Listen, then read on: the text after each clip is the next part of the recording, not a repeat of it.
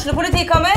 Ine Jansen er purk. Er du purk? The motherfucking bitch. Alt jeg vil, er å finne ut hva som skjedde med mannen min. Jon Carew. Er jeg sikta for noe? Iben Akeli. Det er du. Ole So, Lars Berrum og Big Daddy Karsten. Hvem sin side er du på, egentlig? Anette Hoff, Tone Danielsen, Kommer du fra Afrika? Jørnis Josef, Nesten. Kløfta. Trond Espen Seim, Det er synd å si det, men det var feil mann som døde. Purk. Premiere tirsdag på TV2 Play.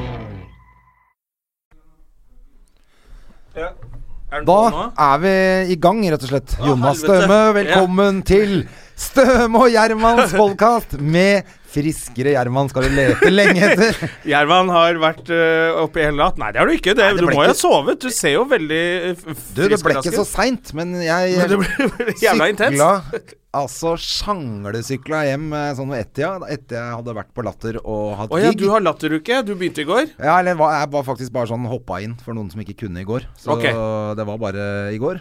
Eh, og så tenkte jeg skulle bare ta det rolig, så jeg eh, brukte ikke opp ungene mine engang på eh, LOL. Oi. Men så sykla jeg hjem forbi Orlandos pub, Orlandos. og det er så hyggelig. Der satt en gammel kompis som heter Helge Bjertnæs, som er, veier 150 kilo, gammel sjømann. Og da ble det Er det han som måtte drepe en fyr i Vietnam? for, for det, kjære lytter, det er en venn Hvem er det? av, det er en venn av deg. Som nå- sa det til meg da vi var på den der, Der hvor de serverer mat til klokken ett borti uh, Ja, borte på Saras. På Saras, ja. Og så, så kom jeg og satte meg med dere, og så var han midt i Og da Så jeg måtte jo Så, så jeg drepte den! Og så sa jeg sånn, sprødde jeg morsomt sånn Ja, det, det er fort gjort. Skulle bare liksom være Og så så han sånn ordentlig på meg. Ja, men jeg måtte jo det! Faen, hvem var det, da? En eller annen sånn der, også sånn gammel kompis av deg som har bodd mye i utlandet og noe greier. Vi må kanskje ikke oute han for mye. tenk- Kan jo hende at Kanskje, han kanskje tilfellet er sant? Ja, han mente det var selvforsvar. Å, fy faen. Det husker ikke jeg nå. Men, nå avbrøt jeg. Det var digresjon. Du møtte en gammel sjømann på Orlandos. Ja, Orlandos, Orlandos pub er, det er jo helt herlig, vet du. Der står jo Orlandos sjæl i baren og er 70 år eller noe og er superblid. Passer på at ingen har tomme glass. Å ja, så hvor, er det den ligger? Den ligger borte i Faen, hva er det heter borti der, da? Det er, eh, det er rett oppi gata her, egentlig. Det må jo være på vei til deg. Men Ja. Den sykleturen var helt drøy. Nei, for det var det som var pointet. var jo egentlig bare at jeg sykla hjemover, så så jeg han satt utafor der. Ja. Hadde ikke sett den på lenge. Han er jo en helt herlig figur. Det er nesten så jeg vurderer at vi må ha han som gjest i podkasten her, for han har så mye gøye meldinger. Du, det, det høres Altså, for det en Orlandos uh, pubeier som lever, det er jo uh, for de som husker The Wire. Orlandos. Han ble cappa. Ah, ja, så har vi. I Norge har vi Men en jeg tenkte på han Orlandos som kompisen min. Ja, altså, det er han vi burde ha som gjest. Ja, han derre morderen? Ja, han, er ikke, han er ikke morder, men han har Så lenge han ikke føler seg trua. eh, gøy. Blant annet husker jeg at det var noe bråk på Lorry for 100 år siden, hvor han presterte å si til han fyren Hvis ikke du ror deg ned nå, så tar jeg og skrur huet ditt ned i parketten her. Og da roa han seg, eller? Ja, i hvert fall når det Han var kommer ganske svær fyr òg. Ja, diger. Ja. Han er helt Alle vennene dine er litt så store. Til og med han fra Danmark, han der Kim Bodnia, bare to meter høy. Ja, det er herlig, altså. Du, uka Du, har vært bra, eller? Du, før eh, Jeg bare kom på, siden du sa bråk på Lorry. Jeg har vært vitne denne uken. Har du det? I rettssak. Husker du da han Ja, han som, som, eh, banka opp meg og noen damer og bare 'hold deg til barne-TV' og sparka dørvakten inn på Lorry igjen. Og mens han Han var i retten, og da måtte jeg vitne per telefon. Er det sant? Med han Ja, det var faen meg bra at han ble måtte i retten for det der. Han Ja. dinga jo ned alle som var utafor Han der. slo ned alt sammen. Inkludert at han sa det til deg. Hold deg til barne-TV før han tuppa deg ned. For en type. Han var det, så han var i retten. uh, og, og, så, tror jeg var han der uh, Morten Furuholmen var advokaten hans, for han snakka jeg med, så da ble jeg litt sånn starstruck på telefon. Snakka med kjendisadvokat. kje- altså. Men du bare sa at, uh, at du bare husker at han dinga ned alle, og så husker du ikke så mye mer? Ja, jeg sa bare Jeg gadd jo ikke begynne å Å, så! Sånn, jeg skal spise barna dine! Det la på noe Men jeg måtte jo innrømme det. Og så, og så, de, så kommer han advokaten hans, han derre Furuholmen, og er litt sånn Ja, eh, bare sånn for å gå gjennom her. Eh, eh, leser politirapporten her at eh, politiet skriver jo at du var Du var ganske påseila. Politiet har skrevet det. Ja, ja. Altså, For det var jo derfor vi dro. I hvert fall jeg skulle hjem da, fordi jeg bare Fy faen, nå er jeg drita. Ja. Jeg skulle jo egentlig bare rett ut og sette meg en taxi og komme meg hjem, jeg, før han bare ding, ding, ding, banket meg opp. Og da måtte jeg si ja, jeg var dritings, og det, men det jeg husker, var Ja. Uh, så jeg holdt på å le meg i hjel mens jeg skulle liksom vært så seriøs. Ja, og vedkommende og tiltalte mitt jeg snakket. Nei, gjorde det? Å, det er herlig. Men uh, fryder meg. Jeg håper han får eh, litt uh... Ja, han, får nå, han må nok sitte inne og så tenke over hva han har gjort, og så kanskje han Han ble eh, sikkert tatt med drugs òg, vet du. Han var jo så jævlig påtent. Så han hadde jo sikkert noe drøgg på, drugs på seg òg. Ja, det må han ha hatt. Eller nesa full, eller Han var jo helt Ja, for de tar jo sikkert eh, blodprøver og full pakke når de taua inn han fyren der. Og da Ja, etter, etter det der kaoset han stelte i stand, så må de jo lurt på hva faen er det han går på, han fyren der. Ja, det var jo alt fra steroider til lim. Ikke sant? Det var jo helt ko-ko. Ja. Men uh, uka ellers uh, vært bra. Har du Jeg prøv, har jo ikke, har jo ikke prata med deg. Du har jo vært inkognito. Du, jeg har vært uh, jobbet hele helgen, og så måtte jeg tidlig opp og dra til Bardufoss og stå på en tanks med Jonis Josef. Stemmer det. Det Scenen var en tanks. da blir det sånn der Kjempebra booking! Eh, ja, men faen. Han, han Tore, vet du.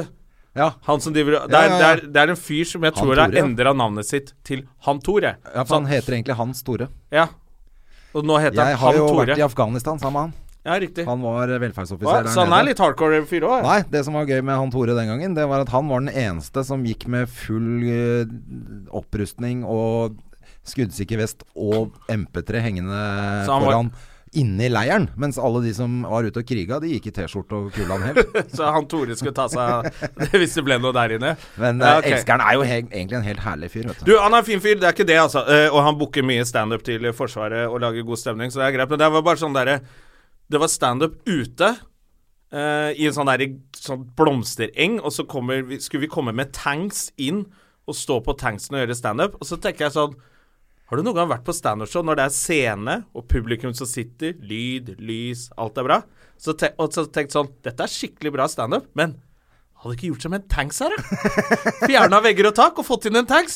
Det blir ikke bedre. Så jeg var, jeg var pottesur. Det gikk ganske bra, men jeg var dritsur. Var du sur, ja? Ja, Tidlig om morgenen så må du opp dit, eh, og så stå i regnvær oppå en tanks og gjøre standup. Det var bare litt nedverdigende, kanskje. Ja, det var Samtidig veldig- litt kult òg. litt kult, men jeg tenkte sånn Du, jeg holdt på med standup i 17 år, jeg. Kan ikke Jonis og Lepperød gjøre dette her? Og så kan jeg stå og jeg hørte gjøre at uh, Jonis måtte bli der og gjøre et gig til for de samme folka. For de samme folka, samme Halvor. Og Det var jo så helt kom, merkelig å gjøre. så kom alle de til Tromsø, for da hadde vi jobb der også. Og da var jeg veldig trøtt, så, det er derfor jeg ikke har snakket med deg. Det er ikke fordi jeg ikke liker deg, André. Nei, det var det jeg begynte å lure, for jeg har meldt deg på både her og der, ikke fått noe svar. Så jeg tenkte nå enten er jeg, jeg legger på vekk litt sånn, jeg. Eller så ligger han hjemme og spiller PlayStation som vanlig. Det var PlayStation. Så jeg eh, Lukka ned, du har dratt for gardinene. Dratt for gardinene, PlayStation og, Og ikke noe biff. sosiale medier. Og biff. Ja, mye Jacobs utvalgte pølser nå. For det er, det er altså. tre for to på, på Meny har vært, så jeg har kjøpt veldig mye. Men da, og da har du lagd eh, Da lager du med Er det bakte poteter til? eller Nei, er bare, bare edamamebønner i oh, ja, innfast form. Og så pølsene oppå, og så spiser jeg bare det. Så det går ned litt i vekt, Ikke, og det ikke som er bra. noe sånn potetmos var det egentlig jeg tenkte på, Ah, nei, som nei. er godt i pølse, vet du. Bare bønner. Sånn skal jeg spise Men alt lager, med da lager du både til deg og dama di, ikke sant? Ja, hun er veldig glad i Det kom brått på. Nå var du kjapp. Uh, ja, men hun, uh, hun svelga feil og daua. Gjorde det. ja, så jeg tok henne med ut i en ubåt og prøvde å kvitte meg med det. Rakett-Madsen! What the fuck? Det er jo fantastisk at man kan Jeg visste ikke at en eh, privatperson kunne ha ubåt. Altså Allerede der burde de jo tenkt sånn Det er noe gærent her. Her En er fyr ja, som lager seg en ubåt. Og han skal bli den første, Han ville blir jo ikke nå, da, men han skulle jo bli den første til å reise ut i privateid rakett i verdensrommet. Men jeg syns det var gøy også. Ja, altså, men Rakett-Madsen han fant jo også ut at uh, etter han helt sikkert har voldtatt hun der eh, Kim Wahl, så fant han ut at han skulle skjule det ved å partere henne. Og Senke båten. senke båten. altså, men det, men han, det at han skjøt henne ut av ubåten eh, i de der torpedorørene sine, eller hvordan han har gjort det, I don't know. Men i hvert fall, hva faen er det han har tenkt når han har sagt etterpå Det skjedde en ulykke, så han skulle begrave henne Ja, til sjøs. det var det han tenkte. For en Så da kapper jeg opp hele greia, fester på masse metall og stikker hull i torsoen. Det snakket vi om nå. Sånn at de gass, ja, fordi når du senker lik, så kan eh, det Ja. komme gasser som flyter opp. ikke sant? Så han har stukket sånn strategiske hull, sånn at de gassene bare skal komme ut. Han har vært Han tenkte han har Men jeg tenker hun skulle på skrive en artikkel om han og ubåten hans for et amerikansk magasin. Og du har jo vært på ubåt Jeg har vært på ubåt. i Forsvaret, så du veit jo det at når man går i, i, tett oppå hverandre, så kan man bli litt frustrert og sinna og sånn. Men her var det snakk om et kvarter under, og så bare Ja, men hvordan har du ubåten? Faen i helvete! Så kverka han. Han var jo ikke skapt for ubåt, da. Han klikker etter et kvarter under. Fy faen gæren. Å, Ja, det er jo jævlig gøy, altså. Det er gøy, men og, og fantastisk trist da for den familien som bare har en flink datter som skulle skrive en artikkel om en sånn gæren danske, og så bare Var det bare takk og farvel? Ja. Så selvfølgelig trist eh, for dem, men det er jo Det er jo derfor det er Det er jo egentlig bare et drap.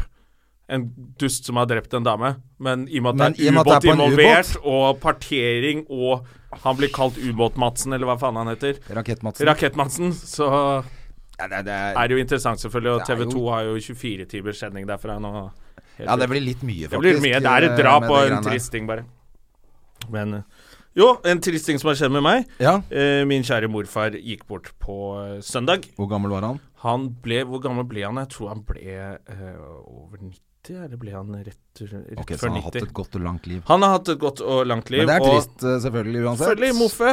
Moffe, fin fyr. En av, han er en av de sånn Han var en av de som var sånn stilig, som han egentlig bare sånn Jeg vet ikke så mye om han, jeg. Men han snakka aldri om seg sjæl. Ikke noe skryting og sånn, men han er sånn Madman-stil. herlig. Han fikk eh, tvillinger. Da satt han på kontoret i London, åpnet en skuff. Alle inn på kontoret, tok en drink, tilbake på jobb. Det er, han er old school. Han er, eh, han var Tok seg en røyk òg, sikkert. Ja. ja, ja, selvfølgelig. Sikkert. Men eh, faen, fordi at eh, jeg tenker jo på det med bestemutteren. Hun blir jo 103 år i desember. Ja, for de Men de blir jo Jeg ikke, De overlever jo deg. Ja, det er det jeg lurer på. Det som var gøy nå, som hun hadde sagt fordi at de har gjort et sånt oppgjør med hytta hennes, og som mutter'n og søstera hennes skal arve, da. Ja. Så hadde de vært hos en advokat, og så hadde advokaten sagt sånn Ja, du holder deg jo fantastisk godt da, til å være snart 103 år. Ja, og her sitter jeg med to gamle kjerringer noen døtre. ja, men det er jo sånn når de blir så gamle og er klare i toppen, så er det jo, så er det jo fint, da. Hun er helt Så herlig. Men det er eh, klart, det, det varer jo ikke alltid. Gamle Det gjør jo de ikke det. går jo bort. Så det er jo trist uh, også, men også litt fint, uh, fordi måten han eh, døde på, holdt uh, hånden til kona si, Momme. Og? Momme er seig. Eh, holdt eh, gift i 70 år, holdt hverandre i hendene, så sovnet han inn, og så Det er jo Ja, nydelig. så skulle han ha en fin begravelse på mandag og sånne ting. Så det var sånn blanda følelser. Selvfølgelig trist å miste Moffe. Han Men han var syk og sliten, så det er liksom sånn. Han Han- begraves på mandag. Jeg har bursdag mandag. Ja. Så livet full Livet circle. går videre, og det er det som er eh, fint og trist på en gang. Det er helt herlig, vet du. Men eh, en ting som før vi skal Vi har jo eh, rett og slett Jon Niklas Rønning på nytt i studio. Ja, som det er er, vel hyggelig, Det var da du klikka på Rubicon. da, Ja. da det ikke ble tatt opp da vi hadde han som gjest. Ja. Uh, og og det be, må jeg nesten bare be om unnskyldning for igjen. For det? det klikk... Horer! Og satte meg som på kopi. Jeg bare Helvete, hva skjer nå? Vi flagger ut! Ja, det angrer litt på at jeg ble så sint, men faen, da. Ja, men faen heller. Eh, men før slipper han, så er bare en liten ting, fordi vi eh, er jo single. Som de som hører Ja, på denne podkasten her, fuckings veit at det ikke skjer noen ting på den fronten for noen av oss. Ja. Ikke fått meg dame, men så har jeg gått inn på Tinder igjen, vet du. Oh, whoop, whoop, whoop. Er du der nå? Jeg er på Tinder som fan. Det er det. Men hvorfor er det så jævla mye horer der nå? Jeg vet ikke. Jeg fikk også en sånn derre Ok, hun, at hun digga meg. Det var sånn Den supermodelldama. Så jeg trykker så bare Hei. Blunkefjes. Og så link. Så Ja. gikk jeg på den linken, selvfølgelig. Det er bare blitt en sånn her eh, hore-app, det nå. Ja. Jeg, mine venner, hei på deg. Jeg knuller. Kanskje treff. Seks treff. Hæ? Hva faen er det her for noe tull? Ja, altså, alle er 28 år og heter uh, Michelle og Michelle Johnsen og sånn. Ja, bare-. Noen, noen heter Trondheim og sånt til Og så er det sånne sugar babes. det er Sånne som leter etter sugar daddies. ja, ja, som vil ha sugar daddies. Så han, det var også litt overraskende, syns jeg. Jeg har vært borti noen sånne, skjønner du. Som har trodd at jeg har vært rik fordi jeg er litt kjent. Ja. Så er det bare sånn Nei, du får kjøpe drikken din sjøl. faen meg La meg faen meg gjøre bedre research. Ja, da må du gjøre ordentlig research. det- skattesmell. Litt skattesmell. Skal du sugar daddy? Teit, eller? Å, herlig. Nei, skal vi ta inn uh, Gester Roonies? Eh, ja. Men du, skulle, du hadde ikke fått noen match på Tinder heller? Nei, jeg er for gammel. Ja. Det, det er noen Det er en eh, Det er en uh, dame der som er veldig søt, egentlig. Som jeg har hatt Som jeg har match med, men som jeg kjenner fra før av. Det er litt oh, ja. gøy også. Ja. Jeg, jeg tar match med alle jeg jeg, kjenner. Ja, jeg også gjør det. Var det jeg egentlig skulle frem til. Det Ja. var at man må Det er riktig, Det syns jeg man skal gjøre. Man må ta ja til, på alle man kjenner. Alle man kjenner. Ja. Og så kan det bli noen misforståelser der når noen bare når Endelig! Men jeg blir litt sur når de ikke gjør det tilbake. Ja, da kan de dra til helvete. Ja, da da kjenner er jo- vi jeg, Det er akkurat som jeg ikke kjenner deg engang. Så, så dropper vi dem. Jeg skal, eh, jeg skal brenne opp hele Tinder. Jeg Orker ikke. Har du fått deg date til Tusvik og Tønne-premiere? Nei. Ikke hørt noe fra noen jeg, som eh, er interessert i det. Nei, nei, ikke jeg heller. Men det er like greit. Ja ja, men vi får det til. Jeg tar med bestemutteren, jeg. Ja, det kan du gjøre. Hun er sprekere enn de jeg har match med på Tinder. Du, skal vi få inn Kroniklas Rønning? Det er det vi skal. skal du, det er du, nå er det du som er blitt dørmann nå. Du er blitt dørvakt. Det er eh, jo nytt studio. Oi, det er doble dører og sånn her. Ja. Hallo, Jon Niklas. Stikk på, stikk på. Velkommen tilbake. Ja, endelig. For dere som ikke har fått det med, med dere, så var jo Jon Niklas her for eh, Altså rett før sommeren. Og den podden ble jo ikke noe av. Nei, gjorde ikke Men det. det var ikke her. tatt- vi hadde jo en kjempebra prat i en times tid. Eh, en av de beste podkastene vi har lagd. Og så ble det rett og slett ikke tatt opp. Så den hyggelige samtalen der, den får dere nå isteden. Ja, På nytt. på nytt. Velkommen. Takk for det. Har du hatt en fin sommer? Ja, jeg må si det. altså. Jeg har vært i Budapest som vanlig. Ja, det er jo ditt uh, nazi-hideout. Ja, rett og slett. Det er fint- å være der. Eh, med sønnen min. Jeg er jo alenefar, så, Det er du. så jeg har vært på et familiehotell eh, utenfor Budapest. Altså tre og en halv time utenfor. Jeg, trodde du hadde trodde- leilighet ja. Jo, men jeg, jeg, jeg valgte rett og slett at det var jo nærmest På grunn av han? Ja, han skulle få oppleve badeland og lekeland. Og det var nærmest sånn bootcamp for unger, altså. Det var, så det var, eh, det var en helt uh, fantastisk opplevelse. Men du sitter alene med et barn på eh, tre år sammen med bare masse ungarske par. Ja, det var et spenstig ferievalg. Rett og slett. Så det er egentlig ganske jævlig. Ja, altså Det er sånn blanding av at han har eh, sitt livs opplevelse, og så sitter jeg og, og går dypt inni meg selv og tenker liksom Hva gjør jeg her? Ja, og hva har jeg gjort galt. Ja, rett og slett. Og ja, nettopp. Eh, dere kanskje kjenner dere igjen? eller? Bitte lite grann. Vi snakket akkurat om det før du kom inn, at eh, her er det jo bare single karer i dag, da. Ja, med barn. Mm. Med barn. Det er hyggelig. Single fuckups med Men du, har- du har jo 100 eh, Ja, det har jeg. Det er ganske beinhardt, det. Det er det, eh, samtidig som jeg ikke vet om noe annet. For jeg ble alenefar eh, da Gabriel, som sønnen min heter, var tre uker gammel Oi. pga. sykdom hos mor. Sånn at eh, siden har jeg vært det. Ja. Og det, Så tidlig, ja, det visste jeg faktisk ikke. Nei, det var så tidlig, og det er jo litt sånn når du får et eh, på en måte spedbarn i hendene og sier 'nå er ansvaret ditt', og siden har det vært det, så må jeg si at det, det endret jo livet mitt drastisk, da. Fy faen, men det er ganske Faen, det er ganske flott òg, da. Ja, det er det- ikke så mange som er så heldige, holdt jeg på å si. Nei, jeg, men- jeg vokste opp sånn. Gjorde du Ja, Se hvor sant? bra det gikk med meg. ja, ja nei, jeg, jeg vet det, og, og det er jo Vi har jo faktisk snakket litt om det, Jonna, at, at det er eh, Det er noe fint med det også, fordi eh, det er jo bare én sjef. Gabriel har én sjef, og det er meg. Så det er ingen som sitter og diskuterer leggetider eller hva som er riktig måte å ta på en genser på på en unge, liksom. Den kan gjerne være på vranga, det er helt greit. Uh, ingen som kommenterer på det. Nei. Så, sånn at uh, Og så har han jo en stor gjeng rundt seg av uh, mine venner, som blir på en måte hans onkler og tanter, og det er jo helt fantastisk. Altså Han har jo så fantastisk mange flotte mennesker i, i sin krets, da. ja. Har han noen besteforeldre, òg, liksom? Ja da, du kan absolutt. avlevere oss litt hos mor og sånn av og til? Ja da, mine foreldre er, er i Ja, Oslo. faren din syns vel dette er kjempegøy. Ja, det er jo klart at de, de, de får en sånn ny vår da med å bli besteforeldre. Det har sikkert dere lagt merke til også. Fa faren til Jon Niklas er jo venn av Eller kjenner til faren min. Stemmer det. Fra Sørumsand, vet du. Ja, sant? Det er, det er, vi er vel det som er Sørumsands claim to fame, også Ja. de to. ja, ja. Så, så det er Og, ofte og Kjetil Hasselberg. Ja, han har flyttet Altså, tilbake igjen. Altså, Kjetil og han- Kjartan, ja, ja. han crazy bananas-fyren. Fra Kjetil og Kjartansvold. Men vi har aldri bodd der, da. Eh, Nei. nei, vi, vi har bare har foreldre derfra. Mm. Ja. Men du, du hadde ganske vanlig oppvekst, bortsett fra Ja. Fra resultatet som ble nei. Du vokste opp med mor og far, var egentlig det jeg tenkte. Men du hadde ikke helt vanlig oppvekst allikevel? Nei, jeg hadde jo ikke det på den måten at eh, jeg var eh, Jeg, var, altså, jeg, jeg bodde på Ekeberg, eh, og, men bodde litt sånn i Dumpa. Så jeg gikk på Vålerenga barnepark, for jeg sognet til det. Og så gikk jeg på Ekeberg skole, for jeg sognet til det. Det betydde at jeg bodde omtrent i Kvernerdalen, i nedre Simensbråten. Ja. Og hadde jo da eh, ikke så mange av mine barnehagevenner eller skolevenner å leke med. Så det ble ofte til at jeg lekte med to gamle damer som bodde på Bodde i hver, i hver sitt hus. Og jeg tenkte at det må jo ha formet meg litt. litt Det grann. tror jeg. Ja, fordi eh, jeg husker veldig mye tidlig lukt av eggelikør og, og mye sånne tupeer og ting og tang. Ja, Fyrstekake fikk du kanskje av og til. Ja, ja, ja. Så, så det var en eh, Det var litt sånn Jeg kan si at jeg ble veldig tidlig Pga. en eh, mor som var hjemme og var veldig kjærlig og leste mye for meg, så ble jeg veldig opptatt av bøker. Og så en far som da eh, jobbet i avis, som jobbet veldig mye, men var veldig kulturinteressert. Han, når han først hadde fri, så tok han med meg på litt sånne store kulturopplevelser som også farget meg litt, og da brydde ikke han seg om om jeg var barn. Nei, for det jeg mener at vi har snakka om før. Ja, det at- snakket vi om sist. Du var på mye konserter med sånne store stjerner. Ja da, jeg møtte jo Willy Nelson og, og Johnny Cash og sånn da jeg var det var ti, ikke sant?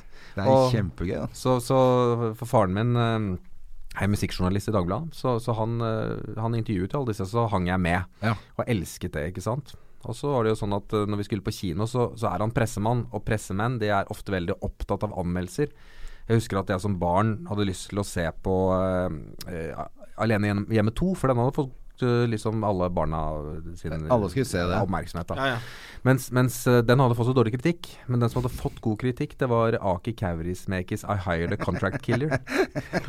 som er en finsk sortfilm om eh, selv, Ja, ja, ja, rett og slett. Og den var, hadde fått sekser, da. Så- Av hvem? Ja, av andre barn? Ja, nei, av, av rett og slett eh, en garvet og anmelder i. Dagbladet rett og slett og Aftenposten. Sånn at den måtte jo være bra, dette satt vi og så på. Så jeg, jeg tror det har formet meg på en eller annen merkelig måte. Altså. Så det har blitt litt snorning. Jeg var ja, men eh, ja, jeg ble sånn midt i smørøyet, Men du ble sånn- sånn litt for det var gammel, ja, gammel tidlig.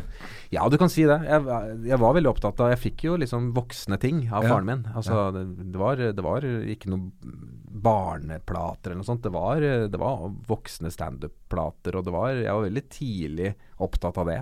Tidlig opptatt av humor. Veldig tidlig opptatt av humor. Ja, men jeg er faktisk Jeg tror det ikke nødvendigvis er For jeg har begynt sånn Jeg, jeg er lei av animasjonsfilmer nå. Mm. Når vi skal på kino med datteren min, så må vi gå og se sånn derre Så så jeg den derre Kaptein Supertruse. Ja. Har du noen som har vært på den? Nei. Ah, den må brenne i helvete. Ja vel. Den var, den var ikke noe morsom. Og så var den bare barnslig, og så var plottet dårlig. Fordi mange animasjonsfilmer, sånn Shrek og sånn, er jo Ja. spennende for voksne. Men nå har jeg bare sånn Når det liksom er greia Den, den var kjempedårlig. Det var Det som bare- irriterer meg aller mest, er de nye Flåklypa-greiene.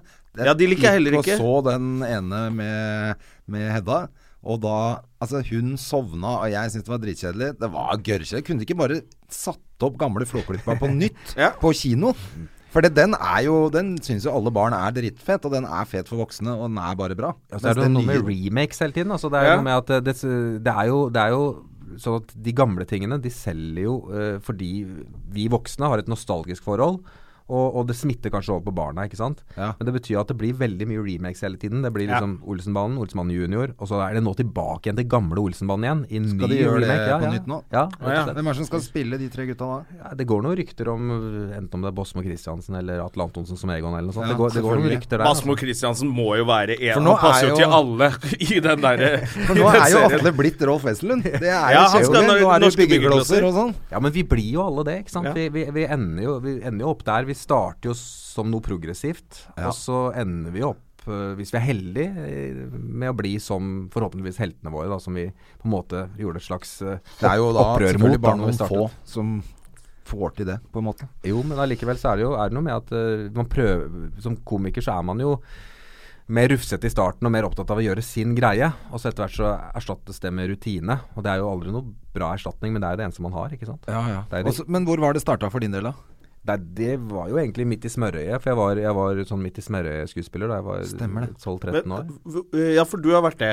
Og så, hvem, hvem andre er det? Kan vi ta en liten Hvem er det som husker? Som Smørøye? Ja. Janne Rønningen var i smørøyet. Janne. Rønningen. Mm. Bertine Eh, Zetlitz. Triana Iglesias var faktisk Triana. Iglesias. Hun er vel den som har hatt størst suksess av alle. Ja. Parseremoni. det er det morsomste jeg ser når hun står og sier det. Uh, uh, Kristian Strand, Christian? Strand var ikke han også Og Stian? Barsnes Simonsen. Ja, ganske mange. Det er ganske mange som har holdt seg. Ja, det, det er det. Og jeg var jo sammen med en som het Martin Dahl Gahr-folk, som spilte i Ti kniver i hjertet og sånn, som gjorde Cæsar senere. Ja. Ja. Så, så, så det var jo en det var jo sånn utklekkingsanstalt, og det var jo en audition med 2000 mennesker som, som søkte, da. Mm. Husker du hva du måtte gjøre? Jeg husker at jeg var med i mange Jeg søkte allerede da jeg var ni år. Eh, og det, da var jeg for ung, men, eh, men jeg kom til første prøve likevel, da. Og så gikk det gradvis, og eh, jeg kom med det tredje året, tror jeg. Og andre året kom jeg nesten helt til slutten, og da hadde jeg en selvskrevet uh, låt. Jeg var veldig opptatt av Ole Paus, apropos sånne eldre idoler som, som 11-12-åring. Så jeg hadde skrevet en uh, kritisk låt om Se og Hør. Eh, som jeg fremførte da på midt i Det smørøyaudition. er kjipt å gjøre når du er elleve år, altså. Og det var ordentlig sånn, eh, ordentlig sånn dis, disse, De grafser i, i kjendisenes privatliv og, og Det var ordentlig sånn Det var, det var jo sånn Det må jo nesten ha gått for de som hadde casting der. Kommer det en niåring med en kritisk låt til seer. Bare Når kan vi begynne å bruke han? Det må jo ha vært helt rått. Ja, jeg ble jo brukt da det, det året som, um, som gjest, med Ja, egen egen rapp, og, uh, som var en antikommersiell rapp. Altså, det var mot reklame.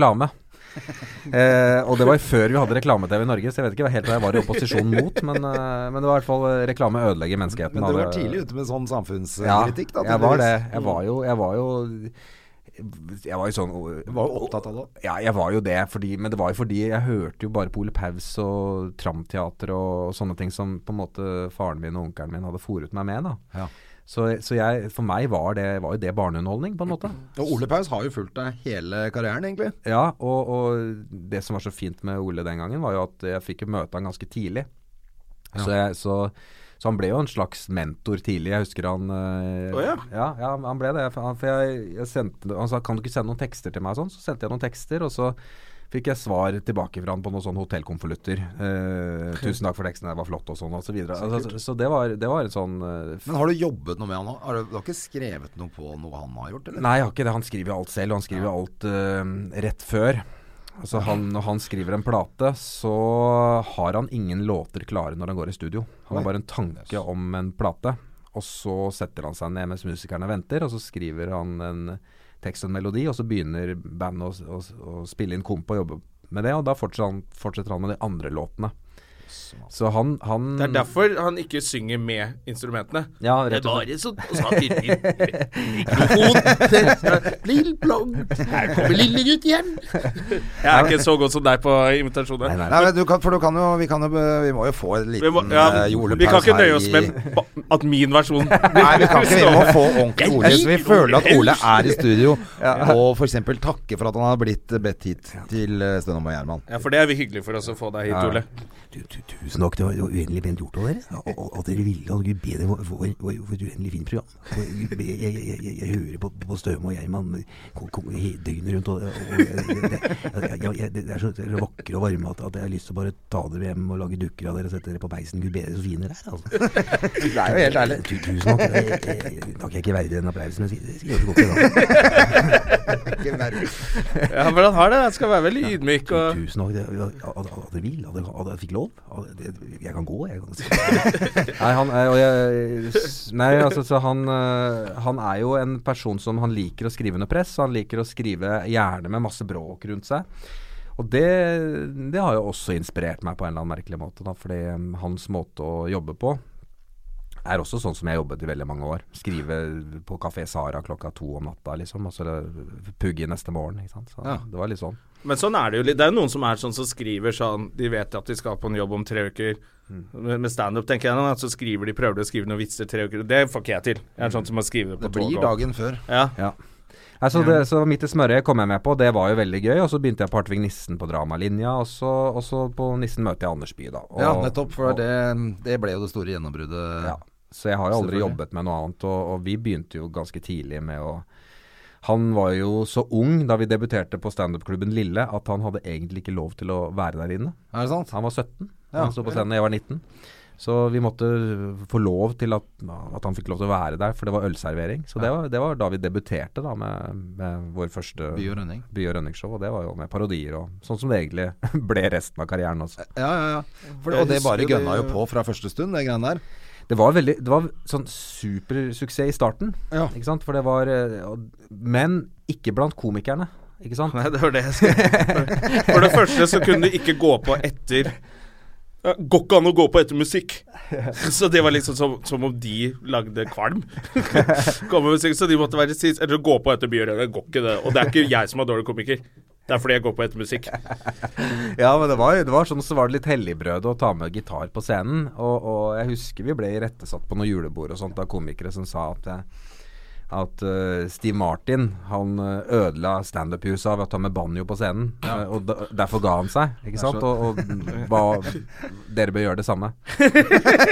så, så ja, det var jo bare tull. Ikke det at han ble filmstjerne, det hadde ingenting med saken å gjøre. Eller at han hadde holdt på i 17 år og var drittlei. At han sto til slutt på så store arenaer ikke folk så han. det er akkurat det, og det er det som er sannheten. da Ja. Det var jo det at Han fant jo ut det at Steve Martin etter å ha turnert og vært på toppen, så fant han ut at han, kunne rei han måtte reise rundt hele tiden og syntes det var slitsomt. Ja. Hvis han lagde en film, så var det filmen som reiste på turné, Ja. og så var det han som satt hjemme og slappet av. Han syntes Ja, det var mye be behagelig, på en måte. Ja, det er gøy. Vi har lest boken hans. Eh, Born, Standing Up. Ja, Den er best i verden. Ja. Veldig, veldig bra sånn Ja, den har ikke type jeg bok. lest. Ja, jævlig kul. Han begynner jo som, med å selge billetter i Disney World eller noe. Eller Disneyland. Mm. Og han er et eksempel på dette med 10 000 timer som jeg tror er ganske riktig. At du må investere gjerne 10 000 timer på scenen eller i skriverommet eller noe sånt før du blir ordentlig god på noe. Det Han betyr sier jo det at han hadde tolv år uten, uten noen ting. Ja, rett og slett, så hadde han tre år med suksess, og så hadde han to år hvor han var superstjerne som han hata. Så egentlig var det tre år som var bra. Av de 17 årene med standup. Ja, men det er riktig, det er riktig det. Og han var jo veldig famlet jo veldig etter å finne sin egen stemme. Ja. Og, og jeg husker jo i starten når By og Rønning debuterte, at vi vi følte jo at vi ville levere noe vi syntes var gøy. Vi tenkte jo ikke på at vi ikke var pure standupere. Vi tenkte jo bare at det vi likte, var musikalsk humor. Altså à la Weird Al Yankovic eller Ja. den type parodiunderholdere, da. Sånn at da vi gikk på scenen, så var jo det i tråd med det vi hadde ledd av selv. Og som vi likte å lage, og som vi følte vi var flinke på. Det var kanskje det som gjorde at vi skilte oss ut, men samtidig gjorde at det tok litt tid før vi ble ble liksom tatt inn i varmen i miljøet, da. Ja. For etter hvert sto jo alle med gitar på scenen. Eller med Ja, en eller annen figur. mange i hvert fall. Ja, ikke sant? Så, og nå er det dabbet litt av igjen, men, øh, men det var litt sånn Det skulle ikke gjøre det urent, det standup-settet Det til var folk. parik og gitar. Jeg har ikke, har ikke skrevet noe nytt i det siste, nei, skjønner du. Det var litt sånn murring. Det var liksom Gitaren ble min krykke. Og på hvor en- lenge holdt dere det gående? For at nå er det jo ikke noe samarbeid lenger. Nei, det er ikke det. Vi, har, vi kan jo si at vi, vi, vi holdt jo det gående eh, fra da debuten i, i 99 da til, til 2012-2013. Så det ble jo nest, Jeg ble 14 år da. 14-15 år. Ja. Eh, og så var det jo noen veldig intensive år eh, sånn da vi gjorde, fikk et slags gjennombrudd da i 2006. Hvor vi hadde en NRK-serie som het Usett by og rønning. Ja. Som etter hvert ble til en ny serie på NRK1 som het Hjemme hos by og rønning. Ja. Og så gjorde vi mye rundt den tiden med show på Latter osv. Vi gjorde jo 100 Dere var på alt av, av jobber da. Ja, Dere vi- var veldig Vi jobbet jo, vi brant til lys i begge ender så det Ja. holdt. Og, og vi, en dag for oss var jo sånn at vi hvis vi pugget manus i taxi klokka sju om morgenen eh, opp til NRK, sminket oss, spilte inn tre sketsjer, eh, tok av oss sminken. Eh, satt i en drosje til en firmajobb, spurte hvem er det vi har firmajobb for nå, det er det og det. Skrev noen sang til det firmaet i taxien, gikk av. Gjorde det, og så var det ofte at vi da skulle videre og gjøre et By og Rønningprøve Keisersen i klær på, på Latter på klubbscenen. Så vi gjorde 100 av det samme året. Og så var det gjerne å ut og drikke øl til klokka tre. Det òg. Ikke sant? Og så, og så skjedde det samme igjen. Så jeg har bare sånn minne av taxi som venter utenfor leiligheten eh, på Tøyen. Som kjører innom 7-Eleven og tar med en blåbærmuffins og en stor kaffe. Og så, og så, Så, bruk, så jeg kjører i gang. så jeg kjører i gang. Og så, sånn, sånn var det. Eh, i- Det var det Anders ble sliten av, eller? Jeg, ja, Altså, jeg, det kan jo, han ble jo sliten noen år senere, egentlig.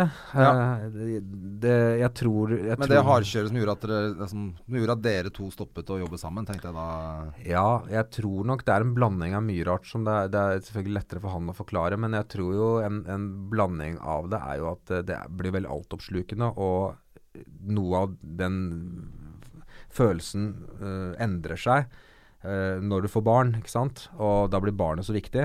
Og så kan det der å gå og fronte seg selv på scenen være ganske, føles kanskje litt selvopptatt og selvsentrert, og bekymringer rundt premierer og bekymringer for om en punch sitter. Ikke sant? Og, og vi var jo så perfeksjonister, og Anders kanskje i særstilling eh, perfeksjonist. da. Så, så, så det er klart at dette, dette sliter jo veldig på.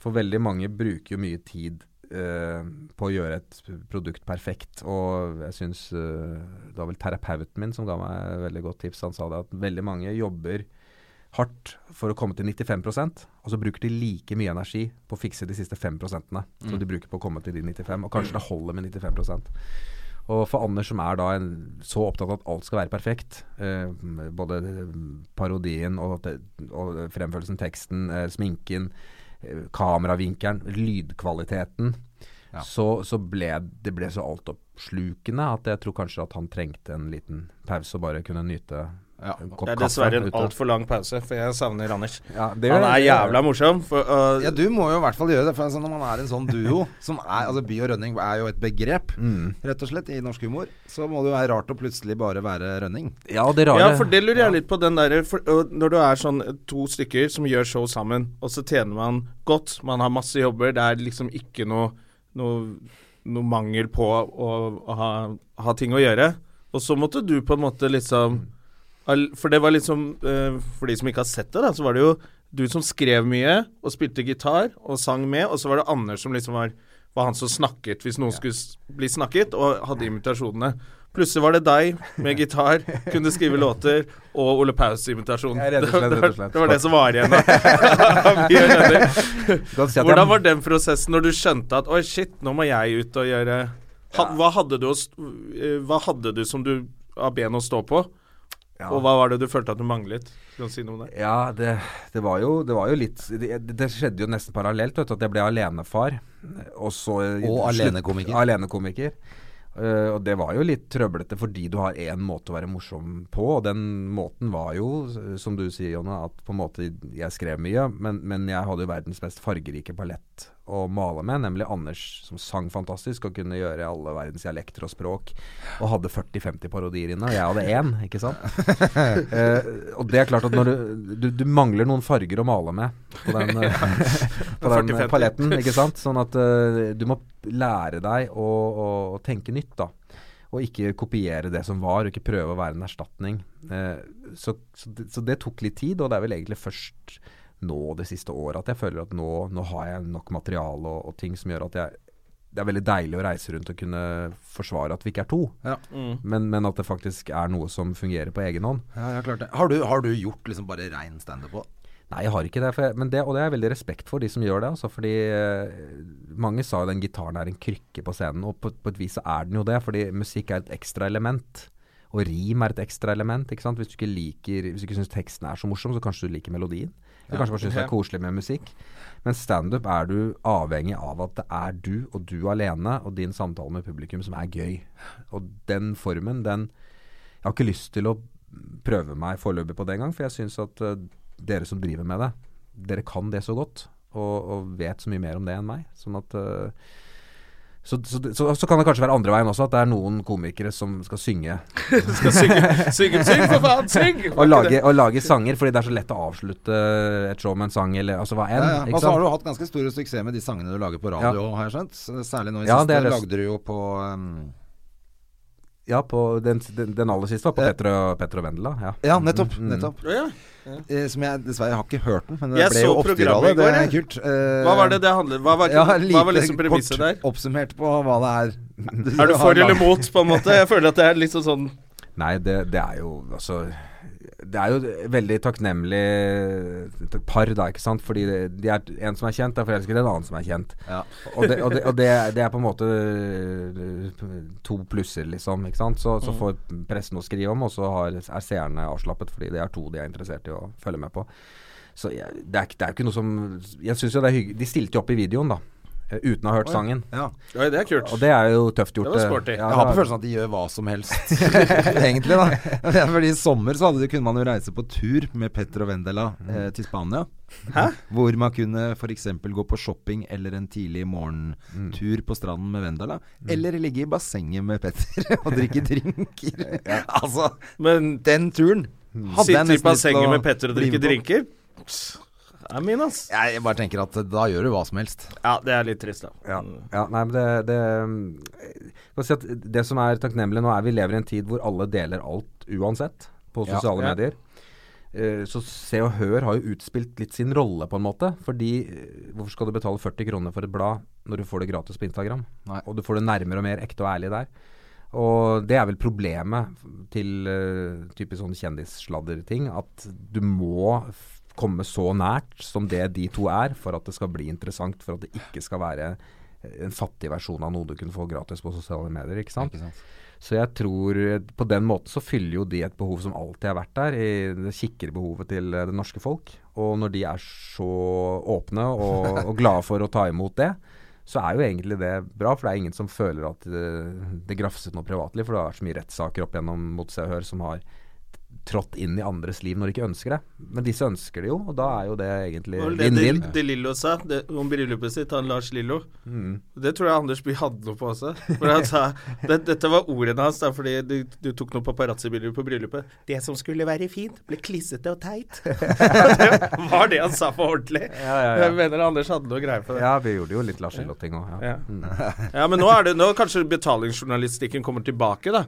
At du må betale for ordentlig eksklusivt da med Petter og Vendela i Se og Hør, og så kan du bare lese det. De får ikke lov til å Men jeg tenker på sånn med imitasjoner og sånn. Det, er det er litt vanskelig nå, for det er ingen som er så outrerte, på en måte, som er lette å parodiere av de kjente lenger. I dag skal vi ut og kjøre med Christian. Ja, bortsett fra han. eh, og han, det begynner jo å bli litt ferdig med Det går litt inflasjon i. Hellstrøm òg, ja. Nei, vi snart ikke Ja, nå har vel komiker komikerne lenge drevet og tullet med at de er fem Hellstrøm på en gang og sånn. Ja, At de er alle som kan Hellstrøm, lage sketsjer sammen. ikke sant. Ja, og vi, vi begynte jo ganske tidlig med Hellstrøm, faktisk. Og, og det som er med parodier, er at det, når det kommer én sånn uh, kjent person som alle får har forhold til, det er problemet. Jeg husker Trond Kirkevåg sa det, for vi hadde gleden av å jobbe med han. Så sa han jo det at problemet da det ikke bare var NRK lenger, var jo at det var så mange å velge mellom, og at ikke alle hadde Fått med seg, fått med seg hvem som ble parodiert. Og hvis ikke folk har fått med seg den som man parodierer, så er på en måte sketsjen verdiløs, på en måte. Selvfølgelig.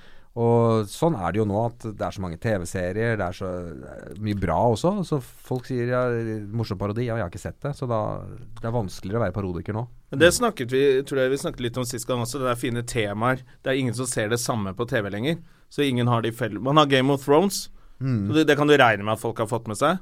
Men det er ikke så veldig mange andre programmer som, du, som hele salen Nei, liksom har fått med seg. Enten temaer De så ikke nyhetene, de så ikke på sporten. De, det er liksom Nei, det er jo bare de Da er det, blir det de største. Da blir det det Rakett-Madsen og, Ja, ja. og, Trump eh, og, og Trump og Nord-Korea, liksom. Skiberta. Ja, så er Problemet med en parodi er jo at sånn som Trump han er jo så parodisk og utrert i seg selv. Han er for morsom på egen hånd. Sånn at du, Hvordan skal du overdrive det? En parodi bør helst være litt overraskende for at den skal være god, syns jeg da. At, Ja, ja, at du ikke har sett at denne er mulig å parodiere, og så viser det seg at du klarer å ta tak i noe som ikke alle har sett. Ja, og han klarer jo å parodiere seg selv helt Ja, fint selv, så det er jo ikke noe vits heller. Altså, for en Hvem er det neste man burde ta i Norge, da? Nå er Hellstrøm, føler jeg at er Det er jo den Johaug alle tar. Jeg tenker på Johaug er jo det største Mm. Det er jo en nasjonal katastrofe, tydeligvis. Ja. Jeg syns det var gøy er at hun stilte opp med hun- tørre lepper på.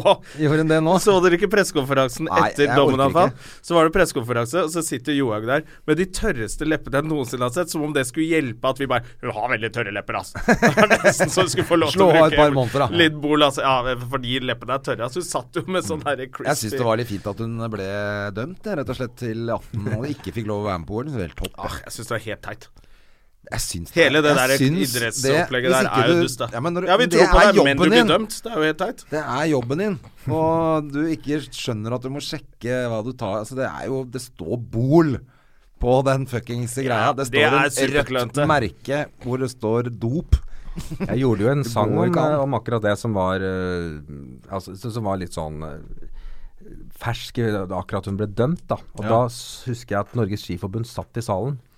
Og det var ganske vanskelig å stå og synge den da. Ja, var det Oi. Litt de kom- krise, eller? Ja, nei, men de kom, jeg var ganske nervøs for det, for det er alltid sånn at den, den var jo på en måte litt krass.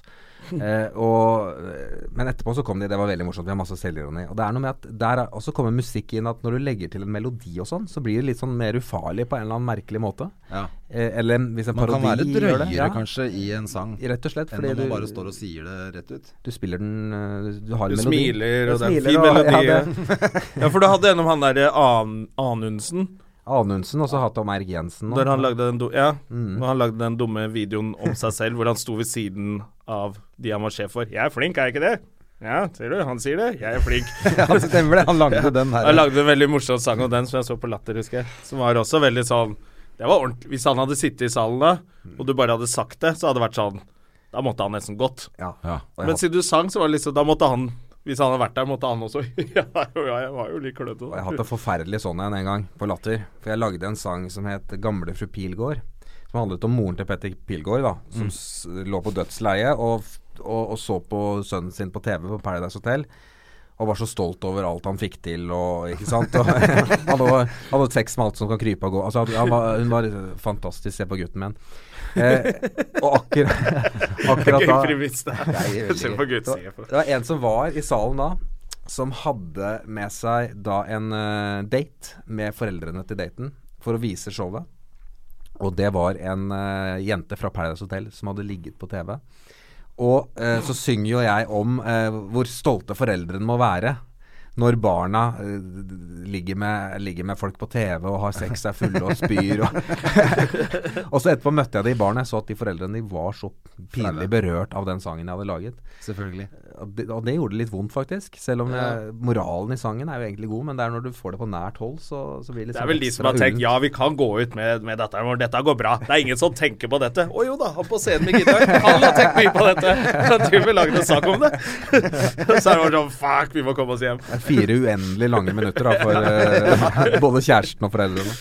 Hvor det går på repeat når de ser datteren ligge på TV. Ikke sant? Akkurat det der der. Nå fikk du soundtrack til i tillegg. det, ja. ja. Jesus Christ. Ja. Men det dere sier med å bygge en egen karriere, så fant jeg jo ut det mm, at når jeg ikke har øh, flinke Anders med meg lenger på den måten, så må jeg bare bruke det til min fordel. Og det at jeg kan skrive, at jeg har skrevet, er jo det viktigste. Ja. For jeg mener jo det at som standuper så er det jo er det jo summen av det nye materialet ditt egentlig hele tiden. Ikke sant? Uh, Idet du slutter å skrive og bare gjør det samme gamle hele tiden, så forsvinner du litt fra, fra den arenaen som handler om å være aktuell og være, ja, være nyskapende og, og, og, forbedre deg på en eller annen måte. Da. Sånn at eh, jeg og det kan jo være La oss si at jeg skriver ti låter da til eh, P4 som kommer på lufta, men så kanskje Det er bare én av dem som lever videre, men jeg har i hvert fall prøvd med, med, med de ni andre. Ja. Ikke sant? Uh, så jeg måtte tvinge meg selv, og jeg har vært så sliten som alenefar. Ikke sant? Så jeg har dratt opp på kontoret til Trond Hansen, som jeg skriver alt med. Han har en sånn fin divan der som jeg bare ligger ned på, og så sitter han med, med datamaskinen. Og så sitter vi da i noen timer, og så Begge er ganske sånn stuptrøtte. Ja. Men, men sånn sakte, men sikkert så blir det en låt ut av det. Som ikke For dere jobber veldig mye sammen. ja, det er fordi Trond er jo, etter min mening, ved siden av Ole Paus, Norges mest fantastiske sånn humorsang. Han er veldig flink på det. Ja, og nydelig smak, og, og musikalsk så er han fiffig, og han, har, han, har, eh, han er på en måte veldig Veldig allsidig, og også en fantastisk sparringspartner, for vi tenker så likt. Det, det er ingen som jeg har tenkt så likt med noen gang ved siden av Anders, sånn humoristisk sett. Vi vet jo hva som er en god setning og en, og en dårlig setning, og vi sitter og filer i timevis. Men da leverer dere til andre også? Vi gjør det også. Ja, Ja, til andre show, ikke sant? Ja, eh, jeg har begynt å slutte, Hvordan er det, litt med det. eh, Bestiller Kommer det noen bare Du, Voldsæter har fem minutter, hun trenger sanger. Kan gang- dere skrive Er det sånn at dere får litt bestilling? Det er litt opp og ned. Jeg husker veldig godt at uh, det, er, veldig opp og Noen er veldig konkrete. Vi trenger en avslutningssang om det. Eller, eller, og, uh, eller uh, f.eks. med Voldseter. Grunnen til at jeg ikke skriver så mye med, mer for andre, er litt pga. tid, men litt fordi jeg husker at vi satt ute på Bar 1 nede bak i Brygge, og det, de skulle på Komiprisen. Og så sier Erik Ulfsby, regissøren, ja, vi mangler et nummer til fire, for de var fire, da, med musikerne Espen, Kai Tævle, Espen Beranek, Kai Tævle, Ole Morten Ågnes og Marit. Har du noe til fire? Så sa jeg, kan vi ikke gjøre noe på de nye gitarkameratene? For de, hadde jo en, de hadde jo da en uh, fersk låt, 'Halleluja', den coveren av Cohen, som var akkurat liksom i støpeskjea og begynte å bli populær. Så da skrev jeg jo det sammen med Vemundvik veldig fort, og så gjorde de det. Og så var jeg på den komiprisen. Det var kjempefint. Altså så jeg Det var den res- dritmorsomt. responsen det jeg fikk, og tenkte Hvorfor i all verden brukte jeg ikke det til by og rønning? Ja, men det var, For det ble jævlig kult. Og det var første gang egentlig det ble sånn at det gikk opp for alle at hvorfor var han Aksel Holm med? Ja. ja, ja, ja. ja. Det var veldig gøy. Publikum må tas med storm. men Hvem faen er egentlig Askel Holm? Ja, ja. ikke sant? Jeg har alltid snakket om han, han som vant den internettkonkurransen og fikk lov til å bli med. Ja, ja. For det er sånn det virker som at én har, fått lov, har vunnet og får lov til å bli med på konsert. liksom Men eh, hvordan er dagene dine nå da? Du sier at du er busy. Hva er det du egentlig Ja, hva gjør er det jeg gjør egentlig? Ja, det er det, da. Det er, jo levere i barnehagen så fort det lar seg gjøre. Få den drittungen ut. ja, men det kan være klokken ti og elleve. Det, det vet du hva den bransjen er. Men eh, Og fall- henge med Maria Mena, ser jeg på Instagram. Ja, dere er blitt bestevenner. Ja, Maria... eller er det noe opplegg i Gåmo der? Eller hun har fått seg en ny kjæreste, sto det et eller annet sted. Er det deg, eller? Nei, nei, nei. Det er uh, verdens mest fantastiske fyr som uh, Vi er en, på en måte blitt litt sånn stor familie. Hun er jo naboen min. Ja, så Å, ja. hun omtalte kjæresten sin og sønnen din, tippa jeg, Ja. som gutta mine. Så, Ja, hun, er, hun, så hvem er det som lurker på hvem? Er det Maria er jo, er jo på en måte verdens beste sånn tante til eh, Gabriel, da. Ikke sant? hyggelig, da. Og det, det, det er jo Noen ganger i livet så er man så heldig å møte mennesker som er så rause, og som er så full av kjærlighet at man bare Altså, det, det er blitt litt sånn et nytt liv, fordi hun var naboen min, og hun har en fantastisk krets med, med fine venner og mennesker som eh, som tar oss inn i, i varmen. Så da er det liksom, da er man ikke så alene oppe på, på Løkka der som alenefar, fordi man har liksom verdens fineste gjeng. Ja, så bra, det. for man blir jo litt låst når man er alene med barn. Så når ungen har lagt seg åtte, så kan man ikke liksom gå, gå en tur ut. Nei, nei. det er jo stuck. Ja, nei, så, det, så jeg er velsignet med å ha så fine folk rundt meg, da. Både gamle venner og da nye venner nå som er eh, Som da jeg har vært heldig å få møte. Ja, kult. Så det, så det gjør livet godt. Og Gabriel får utrolig mange eh, onkler og tanter. Da. Ja, det er bra, det. Men, og jobbtinga? Hva Da, skjer om da er det jo podkasten min, da, som er uh, Rønning. Ja. Uh, som, hvor jeg snakker med komikerkolleger. Ja. Blant annet din mor har vært der. Uh, og så er det jo Uten at hun er komiker? Nei, men hun kan mye om humor, da. Ja. Så, så du har anmeldt mye, så det har vært spennende å høre. Og så, eh, og så er det jo eh, Ja, det er jo masse omkring. fint der. Du har jo fra gamle til nye komikere og Men da tar du komikere som du respekterer og sånn? For det pleier vi å gjøre her, men Ja. vi har ikke vært hos deg. Nei, men det er eh, det, det, skal gå i mange år, vet du. Det er så, nei, men det er ofte, ofte sånn de er kanskje vokste opp med lite grann på TV. Sånn type Bård Tufte Hansen, Atle Antonsen, Lystad Mjøen, Falsk Mathisen. Altså de, Ja, ja. de komikerne der som, eh, som jeg har eh, på en måte lært veldig mye av, som jeg har vært nysgjerrig på, som jeg har masse, la oss si, nyttig skråstrek nyttig kunnskap om, da. Ja. Som jeg endelig får bruk Fordi du er jo et litt sånn vandrende bibliotek på humorhistorien. Jeg fikk jo hele arkivet til Andreas Diesen annet, i NRK, med humor. Det er helt rått, vet du. gamle standup-plater og sånn. Så jeg er vel litt sånn at eh, jeg tenker at hvis man er eh, arkitekt, så er det greit å se noen hus før du bygger ditt eget. Og sånn tenkte jeg med humor, at jeg vil gjerne se en del humorister og gammel humor og ny humor for å vite hva jeg selv skal lage. Ja. Det er vel et tips til alle som Ja, det Jeg pleier å si det når folk kommer sånn 'Jeg har lyst til å begynne med standup', litt sånn unge folk Ja. som har lyst til å begynne med seg, 'Hva skal jeg gjøre?' Sånn, gå og se standup. Ja, gå og se standup. Les masse. eh, om standup eller humor, og se absolutt alt som er. Ja. Jeg eh, Helt til du tenker 'Det der klarer jeg'. hvor, eh, hvor jeg ville vise noe gammelt, og så ble de bare helt sånn Det gadd de liksom ikke. Tenkte jeg, ok, Hvis ikke du har lyst til å se gammel Richard Pryor, så burde du ikke begynne med humor. Nei, det er, det er nettopp det, og jeg skjønner ikke at man ikke er nysgjerrig på det. For Det er jeg, det, det er det som er overraskende. For jeg syns jo det er så spennende, og, og ofte så er det jo vært sånn at vi har slitt i by- og rønningssammenheng med å um, kanskje finne en slutt på en sketsj på TV. Og så tenker man ja, kanskje hvordan ville Simpsons løst dette, på en måte. Og så har vi, har vi funnet en, eh, en løsning, Simpsons-aktig løsning, uten å ta det direkte. Men man, man tenker litt på Ja, hvordan de andre har løst uh, sketsjene Ja, før, da. det. Det er ikke ja, det nødvendig ja, alltid å finne opp Ja. grøtet helt. Jeg husker vi hadde en sånn slutt på en sånn Migrapolis-sketsj som vi lagde, hvor vi, hvor vi hadde en uh, idé. Var egentlig Andreas Pale da, som var med og skrev til oss litt, som hadde sett et Migrapolis-intervju på Blindern hvor han studerte, hvor uh, intervjueren var så oppsatt på at det var eh, på død og liv var masse rasisme som, som, eh, Ja, ja. som, eh, som de med utenlandsk bakgrunn opplevde da, ethvert sted de var. Men det var ikke alltid at det stemte, da. Så han hadde sett et intervju med en, eh, en utenlandsstudent sammen med noen norske, og så spurte har du opplevd mye rasisme. Han sa nei, jeg har ikke det, det, det går bra, vi er gode venner og, og sånt. Nei, så stopp, stopp, du ødelegger intervjuet mitt. vi tar det en gang til. Har du opplevd mye rasisme? Og til slutt så fikk han liksom en eller annen setning som er sånn ja, det er kanskje er litt utenfor matemessig. Vi har det, takk, da har vi den, ikke sant? Og dette overhørte han, og så ble det en sketsj hvor, hvor da eh, eh, Anders spiller da eh, programlederen Tran, som på en måte reiser rundt og intervjuer meg som forskjellige utenlandske figurer. Som driver egen business og har det veldig bra. Og så prøver ut nå. vietnamesiske programlederen Tran å dra ut at det har vært ille, da. Og da fant vi slutten på sketsjen, egentlig fra en gammel Simpsons-episode. Hvor vi klippte sammen masse statements fra tidligere intervjuet. Så det hørtes ut, var veldig tydelig klipt, som om jeg innrømte som, som, som innvandrer at det hadde vært veldig mye rasisme. Endelig kom avsløring på slutten. Så det er sånn du kan finne sånne små løsninger som ikke er liksom Du, du, du, du rapper det ikke, men du, du tenker at ah, det var en fiffig løsning. Ble du forresten spurt om å gjøre Skal vi danse i år, eller?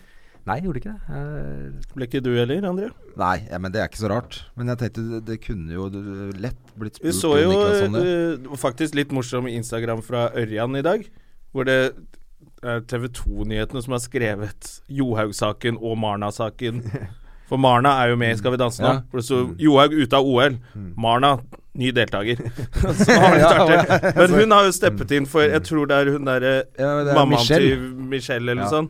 Som, Mammaen til Michelle, ja. Ja, jeg tror det er det Er det det? heter. Er det det hun Jeg tror ikke hun heter Michelle. Hun heter ikke Michelle. Nei, datteren. mammaen til Michelle jeg- har trukket seg, så nå er Marna Bure Haugen. Haugen Bure. Med i Skal vi danse. Men altså, så- fordi at jeg, nå skal jeg se på Skal vi danse, for nå er det Fordi Marna er deilig. Ja. og Å, nei, det er Marna og Geir Skau. Altså, det er jo et, det er jo et veldig herlig team som er med i år. Jeg skal se på det i år, faktisk, tror jeg. Ja, jeg gleder meg til å se på Tommy der, altså. Men Hadde du stilt opp hvis du hadde blitt spurt? Ikke skal vi danse. Det, det, det er for meg for ukomfortabelt. Jeg har, ikke så, jeg har ikke så god motorikk, først og fremst. Så og jeg, eh, det er jo alltid en sånn som, som, som skal ha dårlig motorikk, enten det er Finn Schjøll eller Erik Ja. Newth eller, eh, Eller Seidal. Jeg, for eksempel. Ja. Um, men så jeg har ikke lyst For det første har jeg ikke lyst, og jeg har ikke talentet til å danse. Og, og, og, og så er det jo noe med den, den biten som eh, Jeg hørte på dere sist, dere var vel inne på det der med å, med å stå og Ja, tommelen opp. de der fingrene i kamera. Stem tre og sånn. Det er så ydmykende. det, det, jeg, det som ikke jeg forstår helt med verken Stjernekamp eller Skal vi danse, er jo, er jo den prestisjen som legges i å få det til.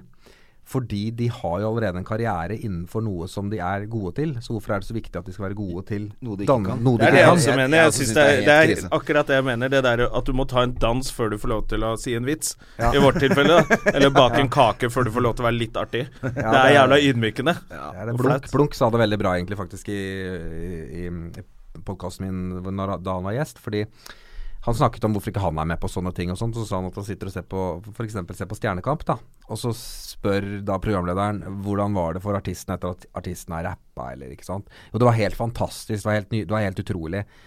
Eh, og han sier "Er- nå er det plutselig blitt sånn at det er både artisten som skal sitte igjen med den største opplevelsen, og den økonomiske gevinsten. de, er jo, de er jo litt på scenen for de i salen nå. Det er vel litt uvesentlig hvordan artisten følte det var. Det er vel hvordan Ja. publikum oppfattet det. Mer Det er faktisk et godt poeng, ja. Men det som også er fett å se på nå, er jo uh, The Voice.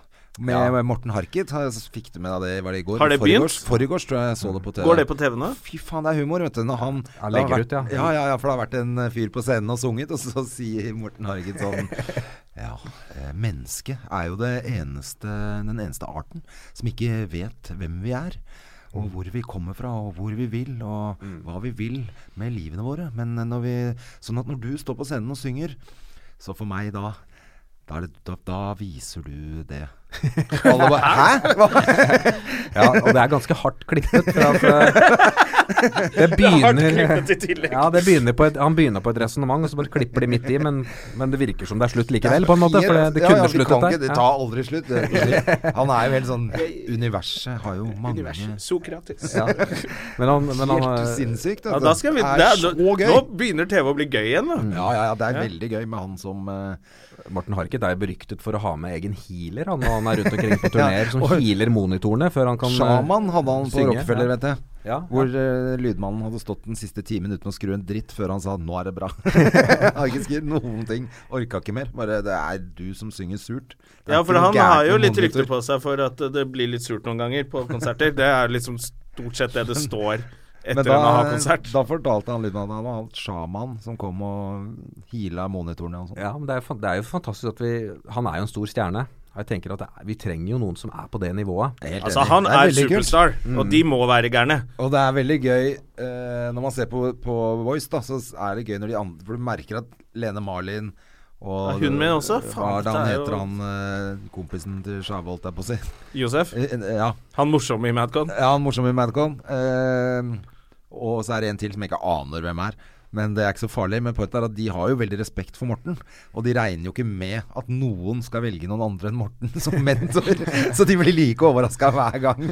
De, Selv etter de foredragene og den personen bare Ei, 'Jeg tror jeg går for Josef'. jeg». ja, så står, stå sånn familien bak og sier sånn Han velger nok Morten. Det er sånn Alle sier jo klart du skal velge Morten Arket', liksom. Men så velger de jo en annen, og så blir alle helt Jeg skjønte litt så sjokkert. greia med han der Magne Furuholmen, for han virker jo mer normal da han var med. Ja. At folk ville jobbe med han. Eh, bortsett fra at Var det noen som så på det? Han ødela jo hele konseptet i det programmet. For han begynte jo å dele ut platekontrakter til alle. Så alle vant like mye. Så de røyket og sånn. Samme det! Du møter i studio hos meg i morgen. Så fikk alle fikk det. Det var noe konkurranseelement igjen, for han bare ga alle Og han var ute i neste sesong, han var ikke med i sesongen Nei. etter. Fordi han hadde ikke tid, for han hadde så mange artister plutselig. jeg hadde men ikke tid til å være hytte mine så bare OK.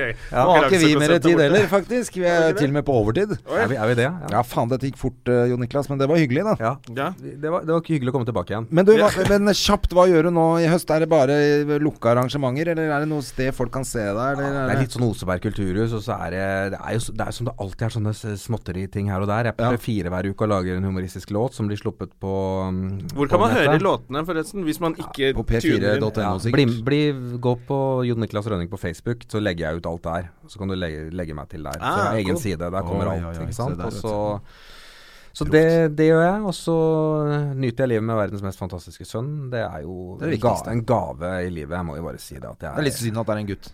Nei, jeg syns det er så fantastisk. Jente er bedre. Ja, men hvis du, er sø hvis, du er, sø- hvis du er sønn til Jon Niklas, så blir du ikke sånn dustgutt.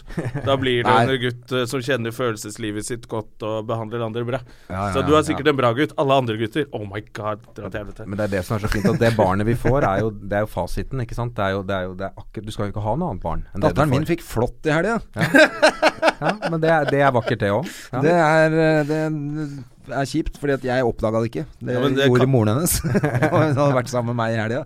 Så har jeg ikke sett at hun har fått flått. Litt ME og litt sånn slapp litt lettere å ha med å gjøre. Da. Ja, gjør det. Så bare det går over før vi begynner på skole, så er det greit, det. Oi, oi, oi. Men uh, bra. Takk for at du kom. Jo, takk for at jeg fikk komme, og så har vi tatt opp denne gangen. Og så, ikke sant? jo, en siste ting. Må vi må jo si at det er jo festival eh, Ja. Pokkeren, du skal jo på det, du også. Jeg skal ikke opptre, da. Skal du ikke det? Nei, og det, og det Hvorfor ikke? Er du valgt det selv? Nei, jeg, har, jeg har andre jobber. Jeg, får- jeg får, men det er jo sånn du alltid får en tekstmelding fra Jonny. Kan du stå da og da? Jeg må ha svar innen ti minutter. Ja. Ja. Og hvis du da eh, gjør noe annet i de ti minuttene, så er, du, så er det for sent. Ikke sant? Så, ja, han har jo glemt Ja. at han har sendt deg den meldingen i det øyeblikket han sendte den også. Så. ja. Men jeg har hatt noen sånne jeg, Siden jeg skrev en bok på Aschehoug, så har jeg noen gang opptrådt der. Og det har alltid vært samme dag som Aschehougs hagefest. Oh, ja. Så da kom man Da krasjer det selvfølgelig. Ja, Ja, altså, Sigrid kom- Bonde Tusvik kommer også sånn og må Ja. stikke fordi de skal på den hagen. Eller så kommer de dritings til. Ja, så må du finne akkurat den der perfekte Hvor mange øl kan du ta før du står på scenen? Jeg liker ikke så godt å drikke før jeg står på scenen. enig. det er det, helt enig. Da vil jeg heller dra på fest. Men, Ja, altså, da, på men du er på festen der. Du, vi får Men du se deg på scenen. Vi eh, skal samme dag. Men Fredag si skal hvilken vi helg er det? Det er nå til helga. Hæ? Ja. Ja, det er, Det er på faen er fredag. Jeg skal til Kristiansand i morgen, men uh, ja. Og så skal vi stå sammen i Eplehagen ja, ni Og så skulle jeg egentlig på en jobb uh, som ikke ble noe av.